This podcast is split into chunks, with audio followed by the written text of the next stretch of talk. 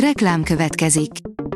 A műsort a Vodafone Podcast Pioneers sokszínű tartalmakat népszerűsítő programja támogatta, ami azért jó, mert ezzel hozzájárulnak ahhoz, hogy a felelős üzleti magatartásról szóló gondolatok, példák minél többekhez eljussanak. Köszönjük! Reklám hangzott el. A legfontosabb hírek lapszemléje következik. Alíz vagyok, a hírstart robot hangja.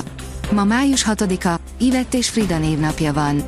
A Telex szerint kivégezték a terrorizmussal vádolt iráni svéd kettős állampolgárt Iránban.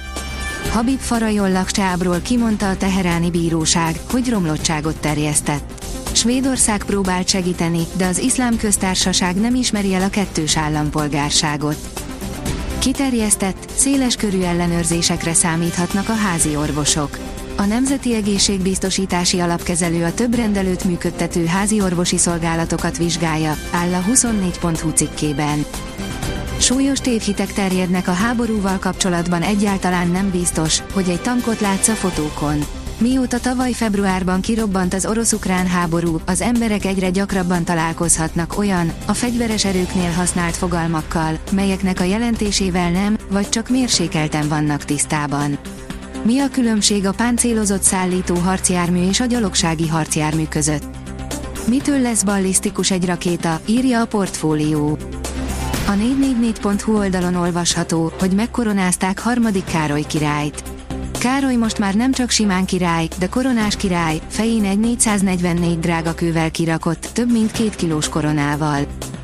A napi.hu oldalon olvasható, hogy munkahelyeket sodorhat veszélybe a kormány új lépése munkahelyeket sodorhat veszélybe, ha az infláció letörését célzó intézkedések súlyát teljes egészében az üzletek viselik.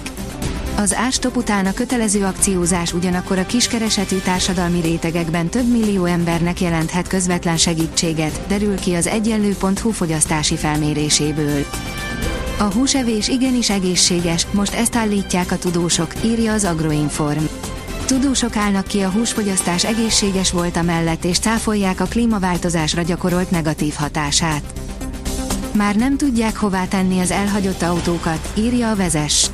Hónapok óta nehéz helyzetben vannak az amerikai hatóságok, annyi lefoglalt autó gyűlt össze. Várhatóan a következő hetekben sem enyhül majd a helyzet, a lakók nagy bánatára. A magyar mezőgazdaság írja, a szőlőrügy károsítói. Már a kialakulásuktól kezdve sem mindegy, hogy a rügyek milyen körülmények közt tudnak fejlődni. Mindent meg kell tennünk, hogy egészséges rügyek fejlődjenek, és meg is kell védenünk azokat a különböző károsítókkal szemben. Már fiatalon elkezdtél őszülni. Nem csak a genetika lehet az oka, írja a Noise. Az őszülés mindenki életébe bekövetkezik, ám a legtöbben erre csak a 40-es évei után számítanak. Aki jó genetikával rendelkezik, azok akár tovább is kihúzhatják, na de mi a helyzet azokkal, akik már a 20-as éveikben, vagy akár korábban találkoznak a saját hajukban a szürke kis szálakkal. Egyre közelebb a nyugdíj összeomlás Magyarországon, szinte kilátástalan helyzetben az idősek, írja a pénzcentrum.